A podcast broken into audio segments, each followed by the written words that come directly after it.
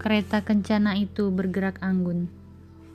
Kayu-kayu kokohnya yang dilak dengan logam mulia, kilau kemilau, membinarkan cahaya matahari. Inilah Al-Imam Ibnu Hajar Al-Asqalani, penulis kitab Fathul Bari, penjelasan atas Sahih Bukhari yang diakui para ulama, tiada tandingnya sampai hari ini. Usianya tidak lagi muda ketika itu. Tapi umat di Mesir memohonnya tetap menjadi mufti sekaligus kodi. Maka sultan menyediakan baginya kendaraan yang memudahkan, meski sang alim sebenarnya enggan. Saat kereta itu melalui tikungan di dekat pasar, sang kusir yang terkejut menarik kekang kudanya dengan tangkas. Kereta berhenti mendadak. Rupanya, seorang Yahudi penjual minyak merentangkan tangannya menghalangi perjalanan. Imam Ibnu Hajar turun dan tersenyum kepada lelaki itu. Kala mereka berhadap-hadapan, penampilan keduanya tampak bertolak belakang. Ibnu Hajar terlihat anggun dan megah dengan imamah putihnya yang cerah. Sementara Yahudi penjual minyak jelas dekil, compang-camping dan kumal. Bau apek nyaris, busuk menguar dari badan dan pakaiannya. Wahai pemuka Islam, lantangnya. Nabimu mengatakan, bahwa dunia adalah penjara bagi orang mukmin dan surganya orang kafir. Rupanya, keturunan Bani Israel menghafal hadis riwayat Imam Muslim. Benarkah demikian? Serunya. Betul. Sahut Ibnu Hajar dengan senyum, manis merekah dari bibir beliau.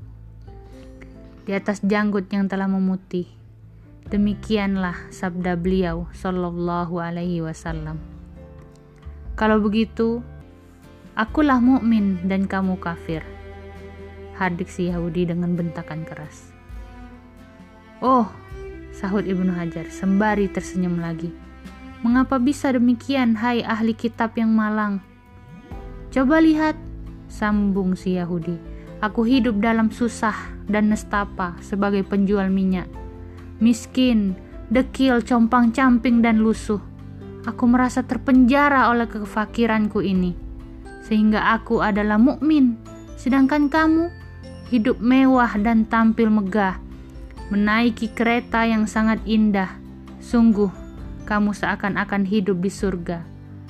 Maka, sesuai hadis tadi, kamu adalah orang kafir.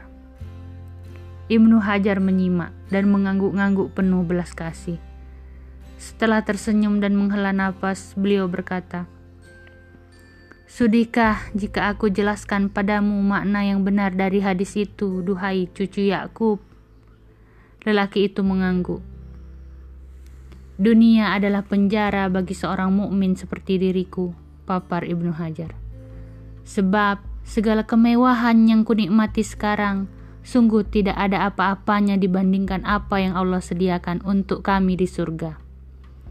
Dunia ini masih menahan langkah kami dengan jarak dan waktu.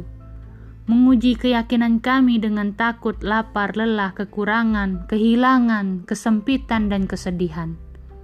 Adapun nanti di surga, tidak ada lagi semua itu. Hanya nikmat yang tak berakhir lagi, tak membosankan. Sungguh, meski kau melihat kami tampak megah dan mewah, kami sedang terpenjara. Sebab masih menanti nikmat yang jauh lebih berlipat.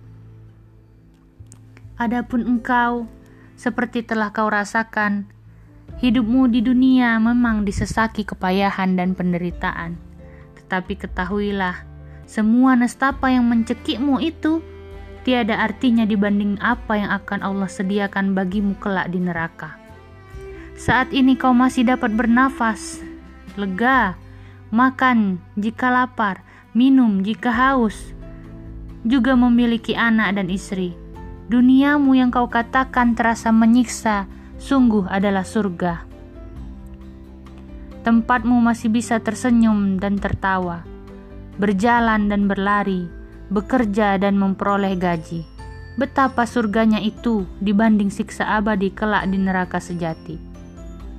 Api yang menghanguskan, siksa yang meremukkan, kehausan yang diguyuri air mendidih, kelaparan yang disuapi darah, nanah, dan zakum. Yahudi penjual minyak ternganga, dia menunduk dan tergugu ketika mengangkat kepala dengan mata berkaca-kaca. Dia berkata lirih, Ashadu an la ilaha illallah wa ashadu anna Muhammadar Rasulullah. Segera, tanpa memedulikan pakaiannya yang mungkin terkotori, Imam Ibnu Hajar al-Asqalani memeluk si penjual minyak yang kini telah berislam. Selamat datang, selamat datang saudaraku, Selamat atas hidayah Allah padamu. Segala pujian hanya milik Allah yang telah menyelamatkanmu dari neraka.